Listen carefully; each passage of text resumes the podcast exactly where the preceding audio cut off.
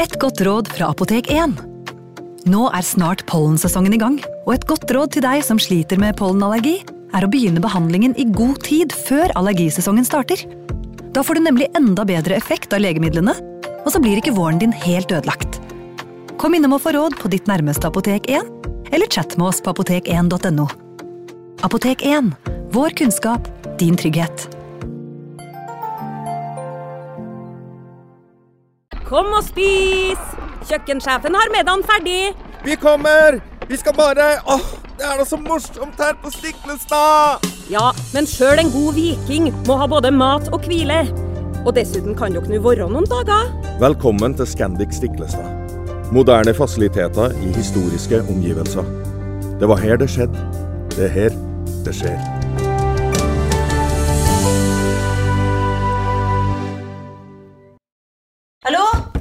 Oslo politikammer. Ine Jansen er purk. Er du purk? The motherfucking bitch. Alt jeg vil, er å finne ut hva som skjedde med mannen min. Jon Carew. Er jeg sikta for noe? Iben Akeli. Det er du. Ole So, Lars Berrum og Big Daddy Karsten. Hvem sin side er du på, egentlig? Anette Hoff, Tone Danielsen, Kommer du fra Afrika? Jørnis Josef, Nesten kløfta. Trond Espen Seim, Det er synd å si det, men det var feil mann som døde. Purk. Premiere tirsdag på TV2 Play. Advarsel. Historien du nå skal få høre, er basert på virkelige hendelser og inneholder flere grafiske skildringer av vold, drap og tortur. Vi advarer mot sterke inntrykk i deler av episoden.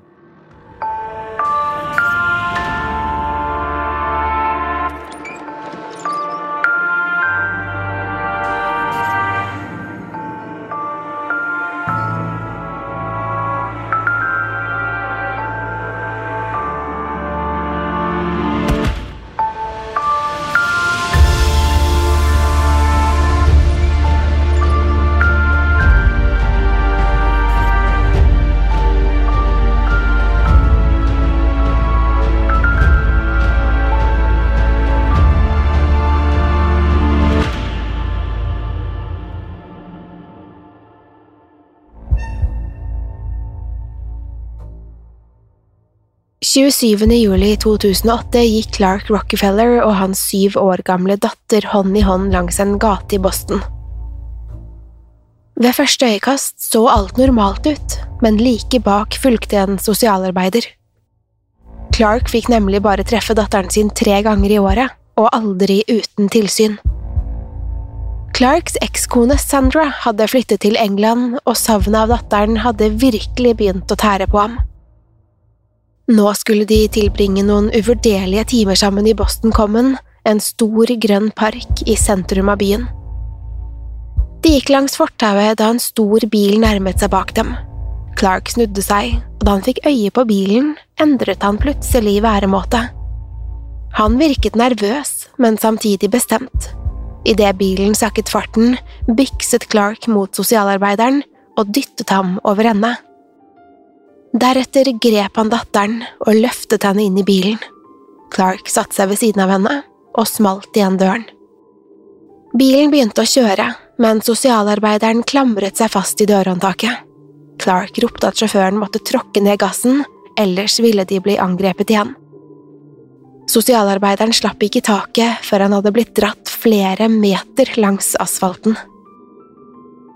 Sjåføren hadde på forhånd blitt advart om at en brysom mann kanskje ville prøve å hindre Clark i å sette seg i bilen.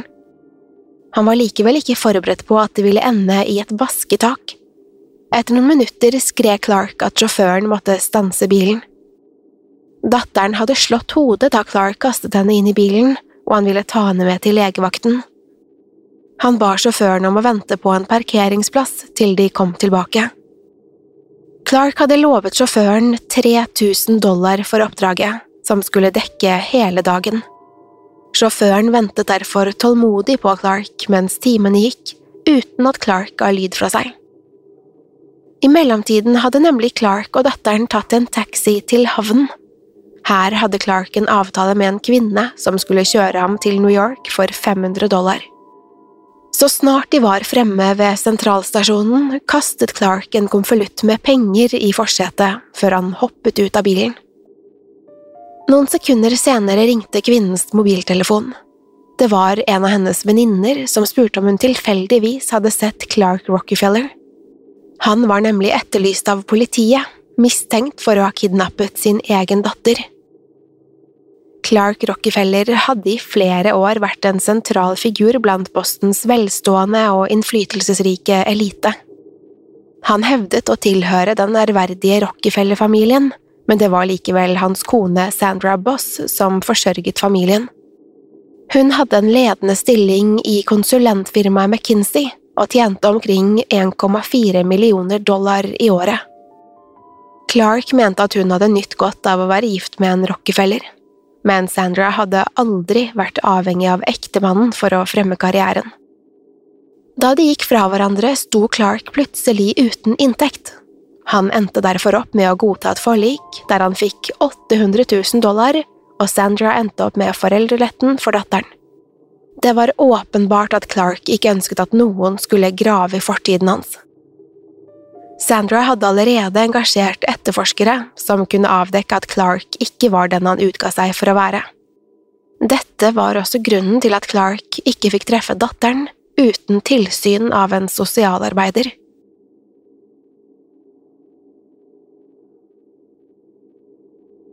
Sandra ble sjokkert da hun fikk beskjed om at Clark hadde kidnappet datteren. Politiet informerte henne samtidig om en annen utfordring de hadde søkt i alle registre og databaser, men fant ingen Clark Rockefeller. Han så rett og slett ikke ut til å eksistere. Clark hadde verken førerkort eller egen bankkonto. Alt de hadde eid, tilhørte Sandra, og selv mobilnummeret hans var registrert på et annet navn. Clark hadde aldri jobbet og hadde ikke et personnummer. Men hvis Clark Rockefeller ikke fantes, hvem hadde da Sandra vært gift med? Kvelden før kidnappingen var Clark på besøk hos en venn. De drakk vin, og på ett av glassene ble det oppdaget et fingeravtrykk. Disse ble sendt til FBI sitt laboratorium i håp om å avsløre Clarks virkelige identitet. Det ble samtidig offentliggjort bilder av Clark Rockefeller, og både han og datteren ble etterlyst. Snart fikk politiet henvendelser fra flere mennesker som kjente igjen mannen på bildet. Flere av dem hevdet å ha møtt han i Wisconsin, California eller New York på 1980- eller 1990-tallet, men de kjente han ikke som Clark Rockefeller. De mente at dette var Chris Gerhardt, Christopher Chichester eller Christopher Crowe. Noen hevdet at han var TV-produsent eller aksjemegler, mens andre mente at han var en del av den britiske kongefamilien. Felles for alle historiene var at han plutselig hadde forsvunnet. Navnet som var mest interessant for politiet, var Christopher Chichester. Denne mannen bodde i California på 1980-tallet, og her var han etterlyst i sammenheng med et drap. Alt tydet på at Clark hadde skapt en rekke ulike identiteter, og nå viste det seg også at han kanskje var en morder. Til slutt fikk FBI et treff på fingeravtrykkene. Det var ikke lenger noen tvil. Det fantes ingen Clark Rockefeller. Mannen de jaktet var en tysker ved navn Christian Gerhardschreiter. Sandra hadde lenge mistenkt at noe var galt. Hun giftet seg med Clark i 1995, og til å begynne med virket han sjarmerende og kultivert. Han hevdet å være en del av Rockefeller-klanen, og fortalte at begge foreldrene døde da han var ung. Selv om Clark ikke hadde et nært forhold til familien, så nøt han likevel godt av etternavnet. Clark var eksentrisk og fremsto til tider paranoid. Han ønsket ikke å ha navnet sitt på noen offentlige dokumenter, og tjente heller ikke egne penger. Clark hevdet at han drev en ideell organisasjon som hjalp u-land med å forvalte økonomiske midler. Mesteparten av tiden brukte han likevel på ulike klubber og foreninger. Nå forsto Sandra at hele livet hans var en løgn.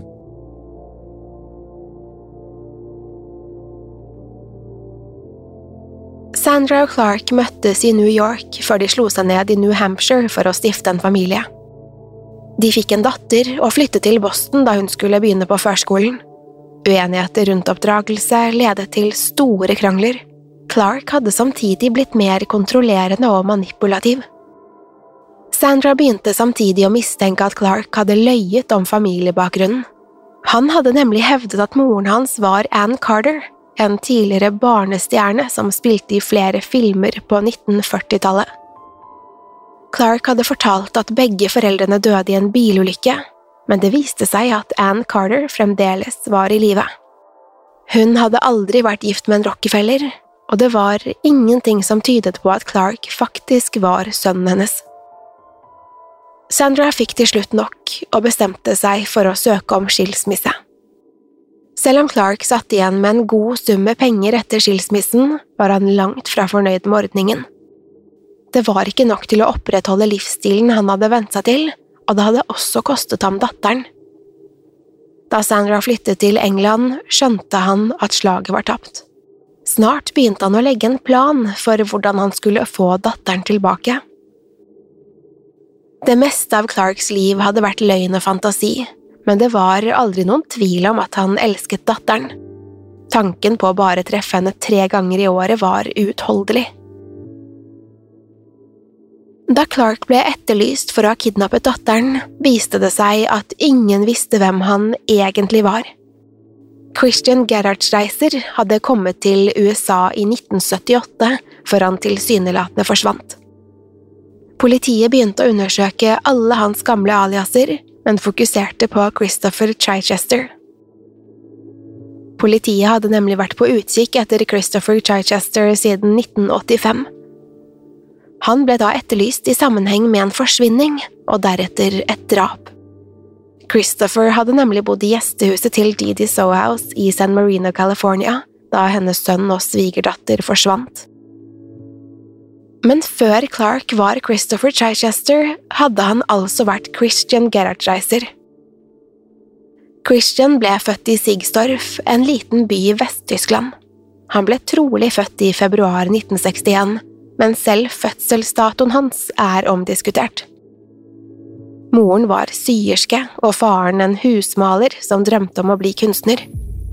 Christopher var en liten, sjenert gutt med en svært livlig fantasi. En dag møtte tilfeldigvis Christian et amerikansk par på et tog.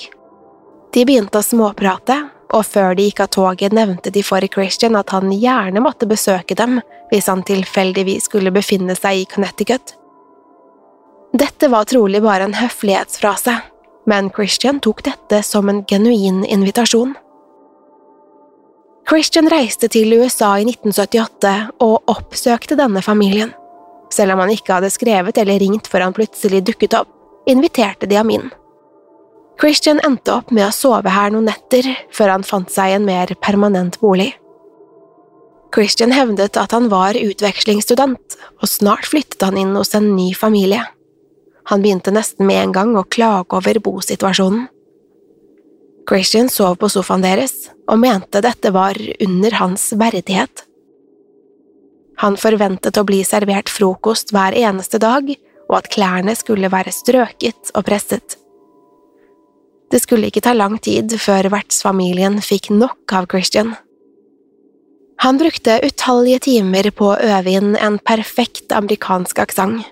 Christian ville ikke at stemmen skulle avsløre hvor han kom fra, og så på dette som en mulighet til å skape en helt ny identitet. Christian Gerhardreiter ble dermed til Chris Gerhard. Han begynte å kle seg i dyre europeiske klær og lot håret gro. Målet var å oppnå den amerikanske drømmen, og første steg av planen var å få innpass blant de velstående og innflytelsesrike. Christian forsto at førsteinntrykket var viktig, og ville i det minste at det skulle se ut som han var rik og sofistikert. Han diktet opp en ny bakgrunn og fortalte at faren hans hadde en ledende stilling i Mercedes-konsernet.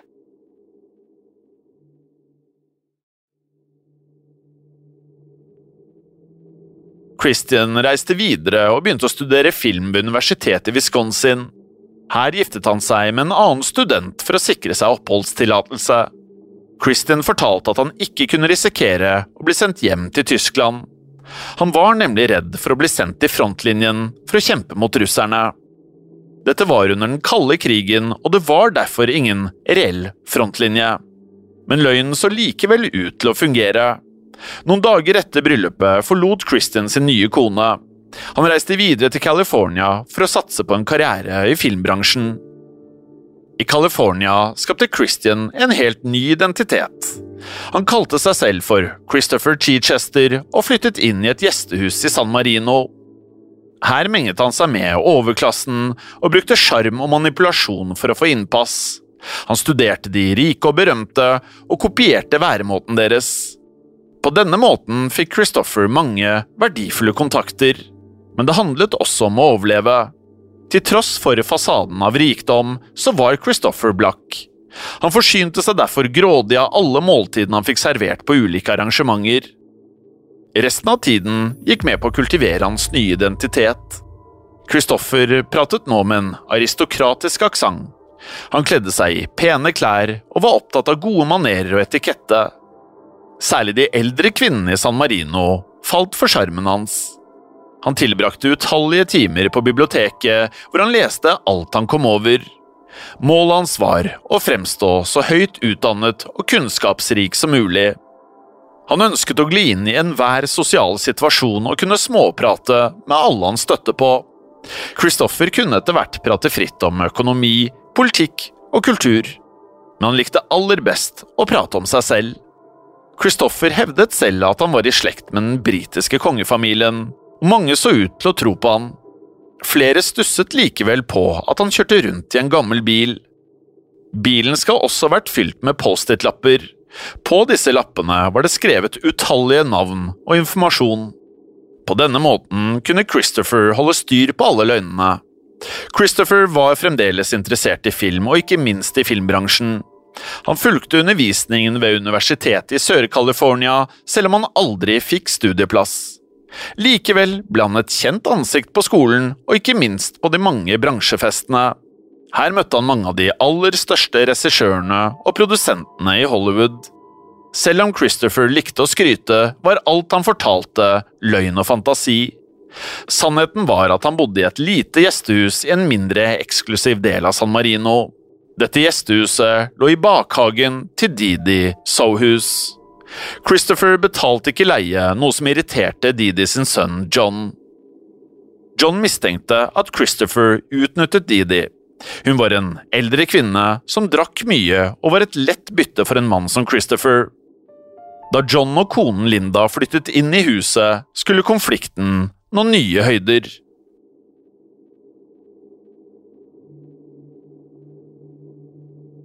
John Sohus fremsto som en forsiktig og litt nerdete fyr. Han hadde nylig giftet seg med Linda da de bestemte seg for å flytte inn hos moren. John ble med en gang skeptisk til mannen som bodde i gjestehuset. Christopher tok altfor stor plass.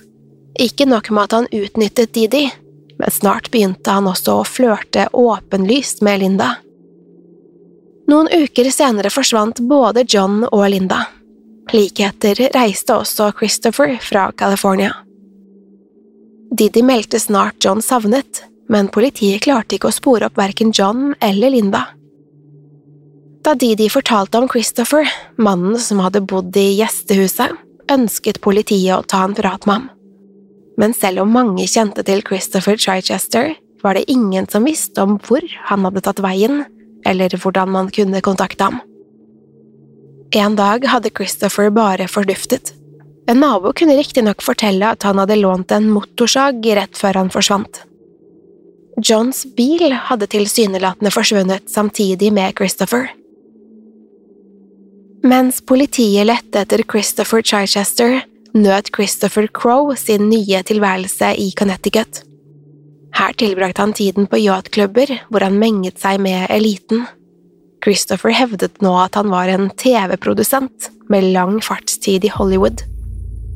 Dersom noen bestemte seg for å utføre en bakgrunnssjekk, ville de raskt finne ut at Christopher Crowe hadde produsert flere populære TV-serier. Med denne falske identiteten fikk Christopher flere jobbtilbud. Han støtte likevel på utfordringer da han ble nødt til å identifisere seg.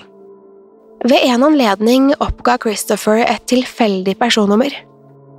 Det vekket store reaksjoner da det viste seg at dette tilhørte David Berkowitz. For mange er Berkowitz kanskje bedre kjent som The Son of Sam. Mellom 1976 og 1977 drepte nemlig The Son of Sam seks mennesker i New York. Det hjalp heller ikke at Christopher ikke var kvalifisert til noen av stillingene. Det tok aldri lang tid før han ble gjennomskuet og mistet jobbene. Christopher Crowe var flere ganger nær ved å bli avslørt. Politiet hadde nemlig funnet bilen til John Sohos i Connecticut og koblet denne til Christopher. Han endte derfor opp med å rømme igjen. Denne gangen satte han kursen mot New York. Her fortsatte han på samme måte. Han tok jobber han ikke var kvalifisert for, og ble værende helt til han fikk sparken eller ble tvunget til å rømme. Da han innså at politiet nok en gang var på sporet av ham, fortalte Christopher at foreldrene hans var savnet i Afghanistan, og at han måtte dra dit for å finne dem. I 1995 bodde Christopher i New York og hadde nok en gang skapt en ny identitet. Han kalte seg nå James Frederick Mills Clark Rockefeller. Clark visste at Rockefeller-navnet umiddelbart ville vekke oppsikt. Derfor diktet han opp en historie for å forklare hvorfor han ikke var like velstående som resten av familien. Men bare det å være løst koblet til Rockefeller-familien var likevel nok til å få innpass blant New Yorks overklasse. Han møtte snart Sandra Boss, som skulle bli hans kone. I begynnelsen hadde Clark vært sjarmerende, men han viste snart en helt annen side. Sandra mente at han hadde et voldsomt temperament, og at hun ble utsatt for psykisk vold. Clark var også manipulerende og tok kontroll over parets økonomi, selv om det kun var Sandra som tjente penger. Etter hvert begynte også Sandra å tvile på om Clark faktisk var en rockefeller. Det ble snart åpenbart at Clark Rockefeller og Christopher Chichester var én og samme person. Plutselig var ikke Clark bare etterlyst for kidnapping. Han ble også koblet til et drap som fant sted 23 år tidligere, og på andre siden av landet.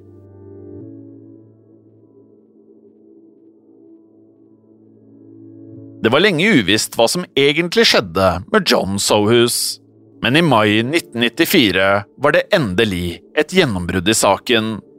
Didi Sohus døde i 1988, og det bodde nå en ny familie i huset. De skulle grave et svømmebasseng i hagen da det ble oppdaget noe hardt i jorden. Dette var levningen etter et menneske som hadde vært begravet i flere år. Det så ut til å være en mann.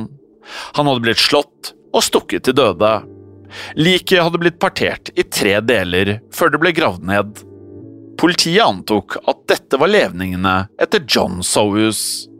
Før John og Linda forsvant, så hadde de avslørt at John hadde fått en topphemmelig jobb. De kunne ikke si mye, men hintet om at det var knyttet til satellitter og nasjonens sikkerhet. Linda fortalte at de skulle en tur til New York, men regnet med å være tilbake i California i løpet av et par uker. Deretter skulle de videre til Europa. John og Linda kom aldri tilbake, men Didi mottok postkort fra flere europeiske byer. Men plutselig hørte hun ikke noe mer fra John. Fem måneder senere tok Didi kontakt med politiet og meldte ham savnet. Ifølge Didi var det hennes tidligere leieboer som hadde sikret John den nye jobben. Da politiet hadde begynt å lete etter Christopher Chichester, hadde han for lengst reist videre. Til slutt fant politiet bilen til John. Bilen var nå å finne i Connecticut og ble koblet til en mann ved navn Christopher Crowe. Det viste seg snart at denne mannen var identisk med Christopher Chichester, men innen politiet fant han, hadde Christopher Crowe forsvunnet. Enn så lenge var ikke Christopher mistenkt for drapet på John og Linda. Politiet ønsket å prate med han for å høre hva han visste, men Christopher forduftet hver eneste gang politiet holdt på å spore han opp. Etterforskningen så nå ut til å stagnere helt frem til 1994, da levningene ble funnet i hagen. Det var likevel ikke mulig å bekrefte at dette var John. Han var nemlig adoptert, og DNA-teknologien var ikke sofistikert nok til å identifisere offeret. Politiet antok likevel at dette var levningene til John. Offeret hadde vært en mann og passet med de fysiske beskrivelsene. I graven ble det også funnet en flanellskjorte og jeans som trolig stammet fra John. Funnet ga ingen svar på hva som hadde skjedd med Linda, men politiet antok at hun hadde møtt en lignende skjebne. Med funnet av liket trappet politiet opp jakten på mannen som hadde bodd i gjestehuset. Drapet skulle forbli uløst i en årrekke, helt til bildene av Clark Rockefeller dukket opp på forsiden av aviser og nyhetssendinger.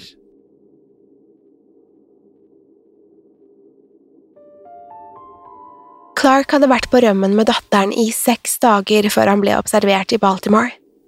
En boligmegler fortalte at hun hadde solgt et hus til en mann ved navn Chip Smith da hun plutselig så bildet av Clark Rockefeller på TV. Hun var nå sikker på at Chip og Clark måtte være samme person. Boligmegleren kontaktet politiet, og snart ble Clark funnet og lagt i jern. Datteren var uskadd og ble snart gjenforent med moren. Dermed hadde politiet slått minst to fluer i en smekk. De hadde ikke bare anholdt kidnapperen, de hadde endelig fått tak i Christopher Chichester. Det ble snart åpenbart at Christian, Christopher eller Clark hadde levd under utallige identiteter siden han kom til USA i 1978. Han virket nesten forvirret da etterforskerne spurte om hvem han egentlig var. Han hevdet at han ikke lenger visste hva som var hans ekte navn, og mente at han ikke husket sine egne foreldre. Men politiet var sikre på at dette var Christian Gerhardsreiter. Han ble stilt for retten i 2009, tiltalt for å ha kidnappet sin egen datter. Christian, eller Clark, hevdet at datteren hadde forsøkt å kommunisere med ham via telepati fra London. Han mente at hun hadde tryglet ham om å redde henne. Clark ble til slutt funnet skyldig og dømt til fem års fengsel. Han sto senere tiltalt for drapet på John Sohus. DNA-teknologien hadde utviklet seg raskt, og det var nå mulig å bekrefte at det var Johns levninger som ble funnet i hagen. Clark nektet for å ha noe med drapet å gjøre, og kunne heller ikke fortelle hvor Linda var begravet. Linda ble aldri funnet, men ble trolig drept samtidig som John. Det var ingen konkrete bevis som knyttet Christian til drapet. Likevel var det nok av indisier som tydet på at han sto bak. Han hadde lånt en motorsag av naboen, og hagen var blitt gravd opp rett før Christian forlot California. Levningene til John ble funnet i to bager. Den ene var merket med universitetet i Wisconsin, den andre med Universitetet i Sør-California. Clark hadde studert ved begge disse skolene. I tillegg ble det funnet spor av blod på gulvet i gjestehuset. Christian Gerhardsreiter ble funnet skyldig i drapet og dømt til å sone minimum 27 år. Han ble aldri siktet for drapet på Linda. Selv etter at dommen falt, nektet Christian straffskyld. Han mente at det trolig var Linda som hadde drept John, og at hun fremdeles var på rømmen. Vi skriver Christian Gerhardsreiter og alle hans aliaser inn i vår bok av syndere.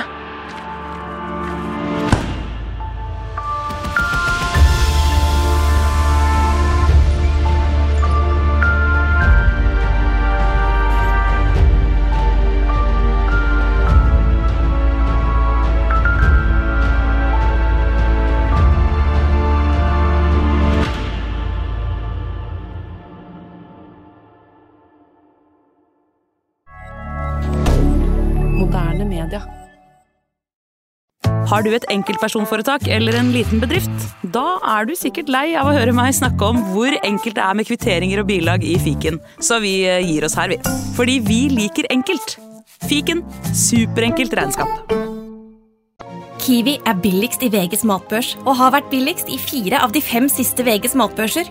Og nå presser vi prisene på frukt og grønnsaker. På 200 gram broccolini setter vi prisen til 24,90. På 400 gram Cevita blåbær setter vi prisen til 49,90. Og husk, alle Kiwi Pluss-kunder får i tillegg 15% trumfbonus på all fersk frukt og grønt. For det er vi som er prispresserne. Og vi i Kiwi gir oss aldri på pris.